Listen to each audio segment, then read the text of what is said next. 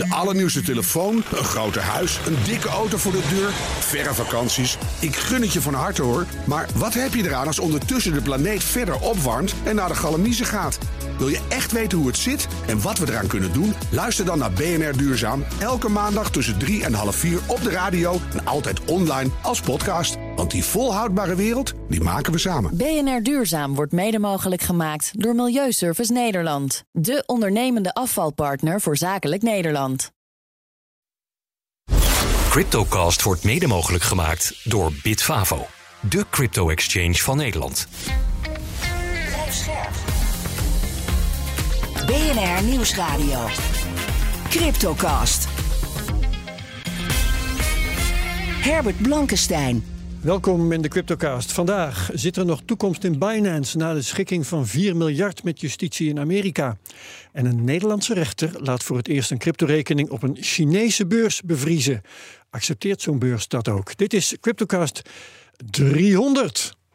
Wauw. Ja. Kun je geen applausje instarten, Herbert? Ja, jullie zelf. Wij hebben dat altijd onder de knoppen, maar... Knallende Ja. kurken. Ja. Ja. Een eh, half uur cryptonieuws op de radio met, u hoorde ze al, de co-hosts Bart Mol, host en oprichter van Satoshi Radio en analist bij kennisplatform Bitcoin Alpha. En Daniel Mol, redacteur bij Cryptocast en BNR Digitaal. Hoi. Goedemiddag. Herbert. We geven geen beleggingsadvies. Vorm je eigen mening, maak je eigen keuzes. Geef ons niet de schuld. Crypto kan lucratief zijn, maar is ook riskant. Ja, Binance moet verder zonder topman Changpeng Zhao, beter bekend als CZ. Eh, ze moeten 4 miljard dollar betalen en de schikking volgt na jaren onderzoek van het ministerie van Justitie in de VS naar witwas- en fraudepraktijken van Binance. Werd allemaal vorige week bekend, Daniel. Eh, jij weet meer, 4,3 miljard. Zelfs voor Binance is dat serieus geld. Hè? Gaat dat eh, bedrijf het nog te boven komen? Nou, dat is nog maar de vraag. Ik denk wel dat ze dit kunnen ze natuurlijk gewoon betalen. Daar komen we zo denk ik op. Maar dit is wel een van de hoogste schikkingen ooit. Zeker een record voor de cryptowereld. Eh, nog even terug. Het ging om een onderzoek naar het faciliteren van witwassen, van fraude en het omzeilen van de Amerikaanse sanctiewet. En eigenlijk hing dat al jaren een beetje boven de markt eh, voor Ja. Binance. Eh, het was als een soort zwaard van Damocles. En dat, dat kopen ze nu voor eh, 4,3 miljard kopen ze dat af. Ik denk wel dat het uiteindelijk, eh, puntje bepaaltje, de conclusie is het best een goede deal. Want er is heel veel onzekerheid weg voor Binance. Ja. Eh, en ze moeten een megabedrag aftikken, maar de- de- dat hele onzekere, dat is gewoon totaal verdwenen. Dus Ze dat- kunnen verder wat dat betreft. ja, dat denk Ja. ik wel. Ehm, Bart, eh, de CZ stopt als CEO. moet persoonlijk ook nog eens een keertje een boete betalen van 50 miljoen. En er komt een strafzaak. Is dat niet een beetje veel van het goede? Nou ja, dat, dat, dat, dat weet ik niet. Ik zat ook op te denken toen Daniel het antwoord net eh, gaf. Is het goed voor Binance? Bij mij komt dan een beetje naar boven. Wat is Binance eigenlijk? Hè? Want Binance, nee maar Binance en CZ, dat, dat, of CZ en Binance, maakt, ja, dat was toch een beetje eh, hetzelfde Aan de een bestaan zonder de ander. Ja. Nou ja, dat, dat is de vraag. En dat is ook een beetje wat CZ op Twitter aangaf. Hij heeft een heel eh, verhaal eh, erbij geschreven. Heel zo'n beetje afscheid nemen van je kind. En nou, die zie je dan opgroeien. En op een gegeven moment zwaai, zwaaien hem uit als hij naar de universiteit gaat of op zichzelf gaat wonen. En dat moment is nu een beetje aangebroken voor CZ. Ehm, ja, wat ik wel erg interessant vond, is dat eh, deze strafzaak is natuurlijk nieuw. Hè? Die, die, we, we dachten wel dat die zou komen, maar nu is dat in één keer inclusief schikking naar, naar buiten gebracht. Maar de SEC en de CFTC, twee toezichthouders, die hebben natuurlijk al langer ehm, eh, rechtszaken aangespannen tegen Binance. Zeker, ja. En maar in die rechtszaken kwam ook nog een, alle dingen die Daniel noemt, die kwamen daarin terug. Maar ook ehm, ja, eh, eh, het ehm, misbruiken van klantengoeden kwam daar bijvoorbeeld ook best wel in terug. En dat is nu eens eigenlijk totaal nergens te vinden. Opgelost. Ja, en ik ben nog wel benieuwd of dat nog ergens terug gaat komen. Voor CZ hangt er nu eh, volgens mij een gevangenisstraf van 18 maanden boven het hoofd. Dat kan nog meer worden. Dat is de. Oh, oh, ik wou zeggen, dat is de maximumstraf meestal. Nee, nee wat, wat ik heb gelezen, kan dat ook nog, eh, nog me- meer? worden. Maar wat wel zo is, is dat het 18 maanden of al- als het 18 maanden of minder wordt, dat C- eh, CZ als onderdeel van deze hele, eh, dit hele pakket, dat hij dan niet in hoger beroep gaat. Zoals eh, de, de rechter zegt van joh, je gaat 18 maanden de cel in, dan accepteert hij dat en dan, dan zit hij zijn tijd uit. Ja, en wat dan ook nog de kans is dat hij of dat hij huisarrest krijgt. Ja, dus dat hij gewoon ja, thuis moet blijven. Dat, dat is ook niet heel erg. Of, en als hij dan de bak in gaat, dan is het niet zeg maar de bak waar Sam Bankman-Fried bijvoorbeeld gaat eindigen. High dan kom je echt in en- een in een gewoon een gezellige gevangenis. Dus Eh, de, ja. Gewoon lekker een tv'tje, fijn bedje, misschien een Playstation. En dat overleef je dan ook wel weer. En hij, ook belangrijk om te benaderen, benadrukken, hij houdt zijn aandelen in Binance. Dus hij is weg als CEO. Die verantwoordelijkheid die heeft hij niet meer. Dat is vervelend voor het bedrijf, denk ik vooral. Maar zijn Mhm. aandelen heeft hij gewoon. Ja. Ja, en eh, dat, dat zeg je op een toon alsof hij zich dan verder eh, financieel geen zorgen hoeft te maken. Nou, daar ga ik niet vanuit, eh, Herbert. Ik denk, eh, de- die 50 miljoen, eh, hij heeft ook een boete van 50 miljoen gekregen. Eh, ja, dat, dat, dat kan hij wel hebben, denk ik. Dat kan hij wel hebben. Nou ja, goed, want de toekomst van het bedrijf eh, zonder hem en met die 4,3 miljard eh, dollar aan de broek en ehm, een stuk minder eh, van de wereld waar ze kunnen opereren, dat gaat wel schelen. Ja, ehm, Binance kan dit, nogmaals, Binance kan dit betalen. De laatste keer dat ik keek, eh, dat ging een, een sta, eh, grafiekjes op Twitter rond 6,3 miljoen, 6,3 miljard in assets op de cryptobalans. Dan hebben we het nog niet over cash en alles wat ze hebben. Dus die, die boete kunnen ze wel gewoon betalen. Ja, Oké. Ja. Ehm, maar wat je zegt klopt wel. CZ was natuurlijk wel iemand die dat bedrijf van eigenlijk van nul naar het grootste crypto, de gro- grootste crypto exchange ter wereld heeft gemaakt. En hij is nu weg. Ja. Ehm, plus dat ze eigenlijk een beetje eh, in heel de westerse wereld een beetje eh, toch een soort paria zijn geworden. Maar ja, dat is dan toch, eh, dat, dat is nu in één klap opgelost.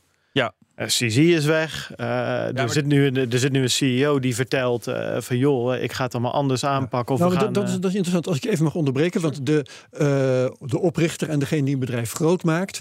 hoeft niet per se de man te zijn die het bedrijf ook groot moet houden. Hè? Dat is, daar heb je wel eens een andere figuur voor nodig. Dus misschien is het wel op het juiste moment. Wie is de nieuwe directeur? Ja, nou ja, dat is eh, Richard Tang. Ja, die- hij, zat al in dat, eh, hij zat al in het bedrijf. Ik weet niet Ja, precies welke twee- rol die had. 2,5 2,5 jaar geleden kwam hij bij Binance. Dus dat is eigenlijk super snel gegaan. Toen is hij als CEO van Binance Singapore aan boord gekomen. Toen opgeklommen head of regional markets geworden. En nu binnen 2,5 jaar CEO. directeur. Ja. En het is dus wat heel, wat heel opvallend aan hem is, hij is echt een, een regelgeving figuur. Dus eh, inderdaad, CZ Hij was. is toezichthouder geweest. Hè? Precies, Ja. hij, heeft, eh, hij is aan het hoofd heeft hij gestaan van regelgevers in Singapore, in de Verenigde Arabische Emiraten. En nu dus is heel duidelijk, misschien ook de, de boodschap naar buiten vanuit Binance. Jongens, wij, zijn, wij willen compliant zijn met iedereen. De cowboy-tijd is voorbij. Wij stellen nu een regelgever aan het roer. En wij zijn veilig. Wij zijn een bona fide exchange. Ja. Ehm, gaat, gaat Binance in de Verenigde Staten nog kunnen opereren, Bart? Ehm, nou ja, ik denk dat de kans groter is dat ze dat wel weer gaan doen met deze move dan hiervoor. Ja. Met CZ aan het hoofd was dat gewoon never van zijn leven meer gebeurd. Daar geloof ik eh, niet in. En ook hetzelfde geldt voor Europa trouwens. Ik denk dat dit eh, hè, onderdeel van, van, van dit hele verhaal is ook dat, er, dat ze drie jaar lang een interne onafhankelijke monitoringscommissie hebben. Dat is een beetje alsof je je, je externe auditor, je externe accountant gewoon 24/7 Onder curatelle. ja, nou bijna wel. Ja. Ja.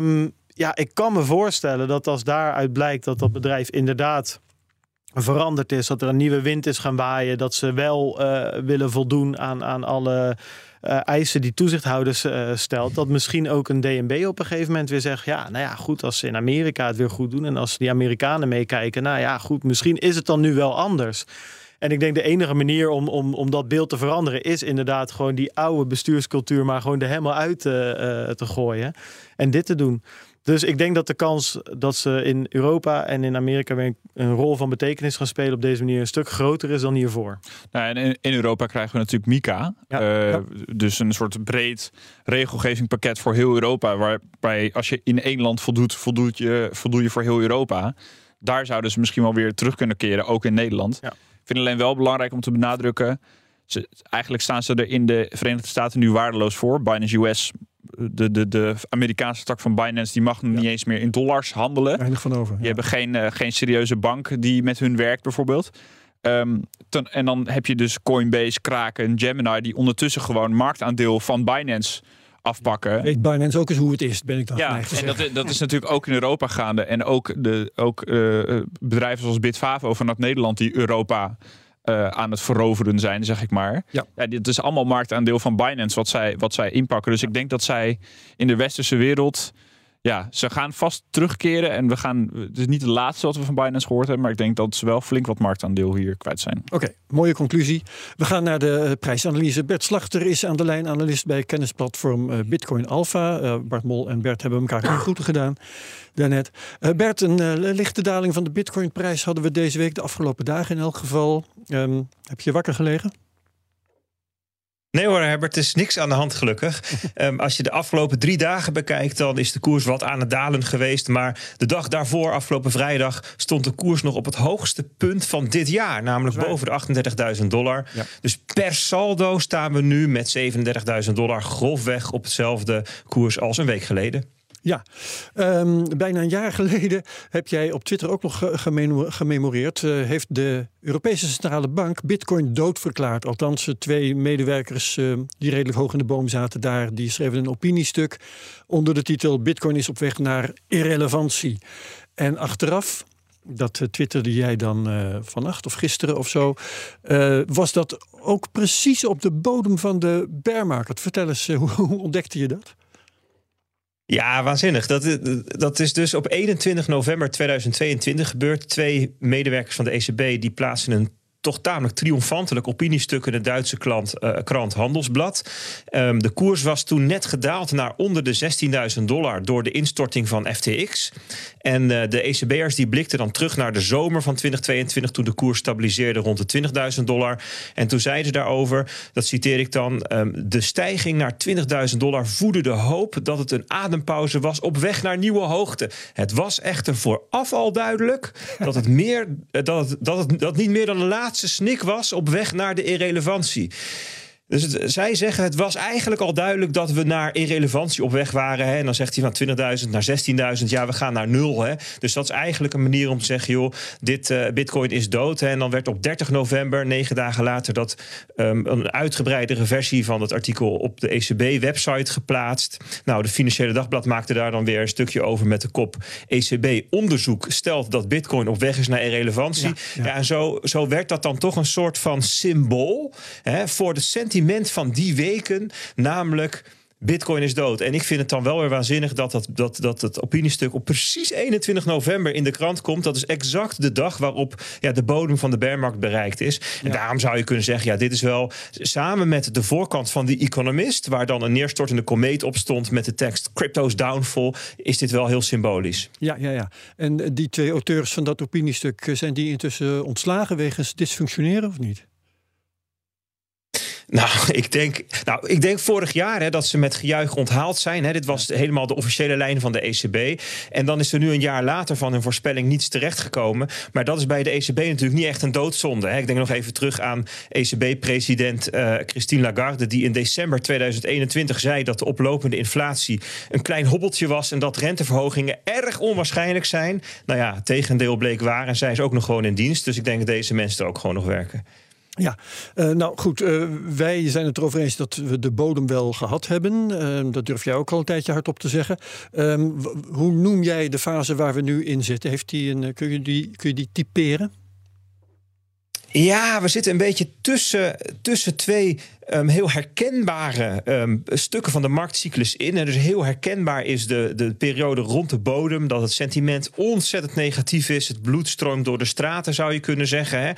Um, de, de, mensen die verkopen tegen verlies. Mensen houden ermee op. Er is heel veel negativiteit. Ook de mensen die, in dit geval bitcoin, maar dat geldt voor andere markten ook. De haters die komen naar buiten om triomfantelijk hun gelijk te halen.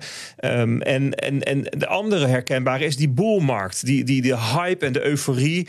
Um, de haast tegen het, tegen het dronkene aan worden er dingen beweerd die dan ja, zwaar over, overdreven zijn. Hè. Dus helemaal in die bearmarkt is er sprake van onderwaardering. En in de boermarkt van overwaardering. We zitten daar nu tussenin. Het, het is een, een wat saaiere periode van, bui, van buitenaf gezien. Hè. Vanuit, vanuit de sector, vanuit de markt, vanuit de industrie gebeurt er ongelooflijk veel. Wordt gebouwd namelijk aan ja, de, de, de, de nieuwe um, toepassingen die in een volgende boelmarkt gaan zorgen voor nieuwe adoptie. Voor, voor mensen die crypto-netwerken als onafhankelijke wereldwijde infrastructuur in gebruik gaan nemen.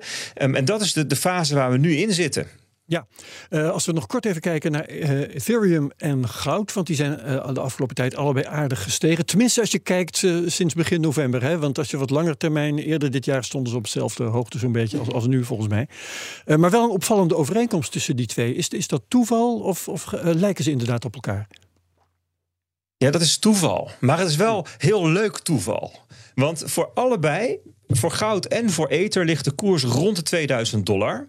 En voor allebei geldt ook dat ze vlak onder een heel belangrijk koersniveau zitten. Namelijk een, dat als ze daarboven uitbreken, dat het van grote betekenis is. En voor goud zou dat betekenen dat het een recordkoers, een all-time high is. En voor Ether is dat de overgang van ja, de koersen rond de bearmarkt naar de koersen van de boelmarkt van hiervoor. Um, bij, bij Ether ligt het niveau op 2160 dollar, bij goud op 2075. En de vraag is nu, ja, welke van deze twee gaat er als eerste? ja, nou, um, we hebben geen tijd om daar nog uh, heel lang over uh, te braadslagen. Maar uh, dat gaan we dus volgen. Dat is buitengewoon interessant. En dat doen we dan volgende ja. week of een andere keer met jou op dit punt in de Cryptocast. Dankjewel, Bert Slachter, analist bij kennisplatform Bitcoin Alpha. Want we gaan naar een interessante uh, cryptozaak uh, waar een Nederlandse rechter voor het eerst een exchange heeft opgelegd om klantengoeden te bevriezen. En dat is dan nog een Chinese exchange ook, HTX, de beurs die eerder Huobi heette. Um, uh, die rekening was gekaapt door criminelen in een boiler room fraude. Daniel, leg eerst even uit wat dat ook weer is. We hebben het er eerder over gehad, maar opfrissen. Ja, dat is een hele vernuftige vorm van fraude. Slachtoffers worden dan benaderd per telefoon, per e-mail of ze komen op een website. En dan worden allerlei rendementen beloofd. Vaak een beetje te mooi om waar te zijn, maar wel, het ziet er allemaal professioneel uit. Weet je, 6% per maand of zo, dat klinkt dan goed. Um, nou ja, dan denk je, dit moet ik gaan doen. Uh, je stort wat geld of crypto uh, uh, naar zo'n website toe. Dat gaat dan uiteindelijk via een exchange. En dat wordt dan eigenlijk altijd via een buitenlandse exchange uh, gedaan. Want het is heel belangrijk, via Nederlandse exchanges gebeurt dit eigenlijk niet. Die staan te veel onder controle. Ja, en die houden zich gewoon te veel aan de regels. Ja. Um, en zo'n HTX, uh, Huobi wat je net noemt, dat is, een, dat is een buitenlandse partij. En ja, vervolgens krijg je allerlei fictieve rendementen voorgespiegeld op zo'n website. Je, het gaat lekker met je beleggen en je denkt, ik stort nog wat bij. De fraudeurs die zeggen ook, joh, misschien moet je wat bijstorten.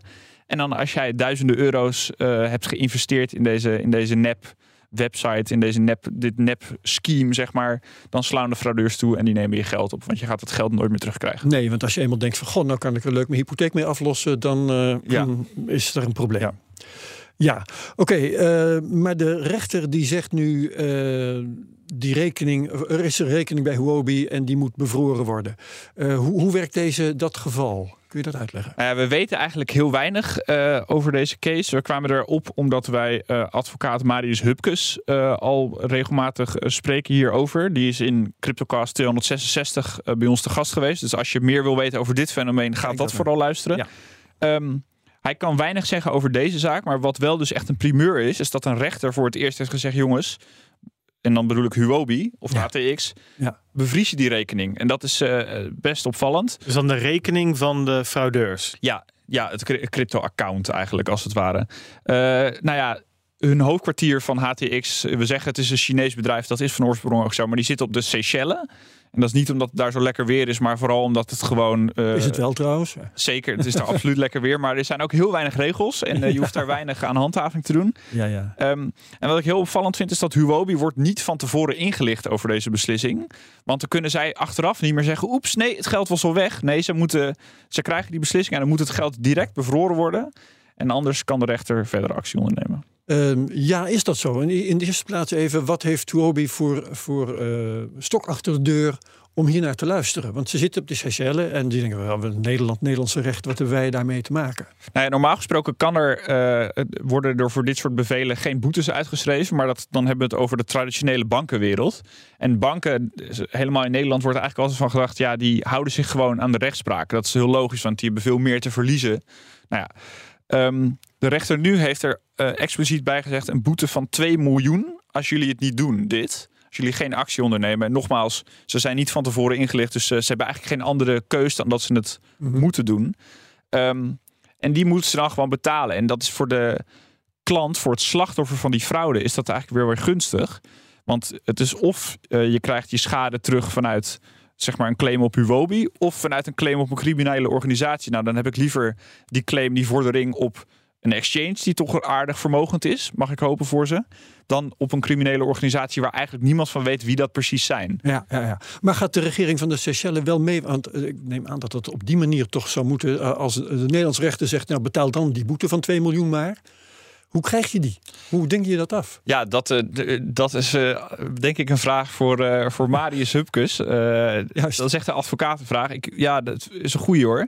Want ze zitten niet voor niets daar. Dat, dat- Ehm, ja, ja, ja. Ja, ik neem aan dat ze dat die, ja, die, in ieder geval, ik zou denken, de kans is groter dat je het geld van, van hen gaat krijgen dan van een criminele organisatie nou, die je sowieso niet kent. Marius misschien toch eh, ook maar weer eens uitnodigen. Eh, Bart, jij bent eh, druk met veilig opslaan van, van bitcoin. Hebben jullie het ook vaak over in de Satoshi Radio podcast.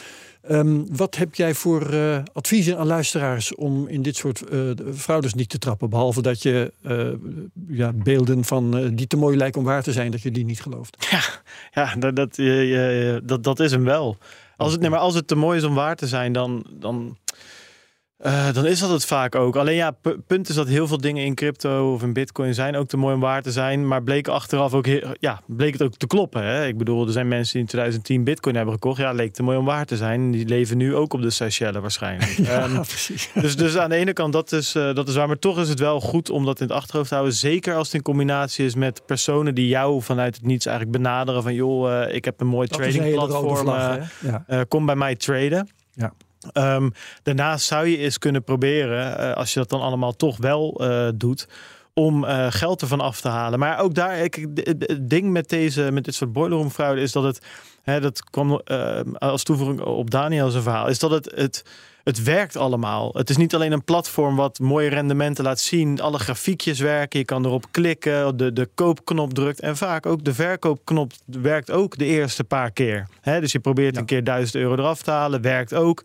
En dan is het vertrouwen gewonnen. En dan, op het moment dat jij er 100.000 vanaf wil halen, dan kan het opeens niet meer. En dus, dus dat vind ik een lastig advies van haal er een keertje wat vanaf. Want dat is juist waarmee ze je vertrouwen eh, winnen. Ehm, ik denk dat nog steeds eh, goed, eh, goed gezegde is van de, de, de ergste fout, de grootste fout die je kan maken, is de fout die je in je eentje maakt. Dus leg dit voor in communities. Leg dit voor aan andere mensen die wat van crypto afweten. Leg het voor aan mensen die niks van crypto afweten. Leg het voor aan je vrienden, aan je ouders, aan je kinderen van mij part. Van joh, joh, ik ben benaderd. Dit is het verhaal. Dit is het platform. Kijk daar eens naar. Ja. Ja, en dan, ik- eh, dan word je vaak wel geholpen. En, dan, en zeker in communities, Nederlandse bitcoin, eh, crypto communities, kom je er dan wel achter van oké, dit is niks. Of dit is wel eh, een hele hot and happening nieuw trading platform. Vanwege de tijd moeten we even gaan praten Ja. over wat we in de podcast gaan bespreken. Eh, sluit misschien ook wel mooi aan, want in plaats van dat je je eh, crypto in bewaring geeft aan een of andere partij eh, die je helemaal niet kent, kun je het ook zelf bewaren. We gaan praten met iemand van Trezor, hè, een Danny. hardware wallet. Leg uit. Nou ja, zij maken hardware wallets. En daarmee kan je zelf je bitcoin en andere crypto opslaan. En ik ben wel heel erg benieuwd. Nou, Herbert, ik zou je zeggen, ik zat net in de auto te denken waar ik nou echt benieuwd naar ben. Ik heb hun product geprobeerd, zo'n zo'n gloednieuwe Trezor. En ik ben erachter gekomen dat ding werkt perfect. Het is allemaal fantastisch. Het proces is helemaal gestroomlijnd.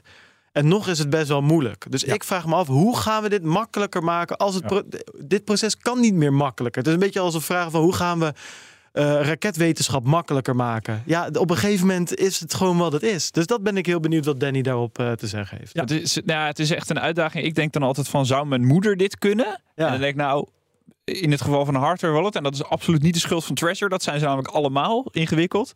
Maar in het geval van mijn moeder, absoluut niet. Niet Ja, aan het het, begin. punt is, het is dus helemaal niet ingewikkeld meer. Of het is beter dan dit, kan het proces bijna niet meer. En We gaan kijken. goed, ik ben heel hoe, eh, benieuwd. ja, hoe eenvoudig we het kunnen en hoe eenvoudig we het kunnen uitleggen eh, in de Cryptocast. Zeker. Ja, eh, dank aan de co-hosts Bart Mol en eh, Daniel Mol. Allebei geen familie trouwens. Wie Ehm, weet. En wie eh, meegaat naar deze podcast, heel graag. Zo niet, ook prima. Maar dan graag tot de volgende keer bij de Cryptocast op BNR. Dag. Cryptocast wordt mede mogelijk gemaakt door Bitfavo, de crypto-exchange van Nederland.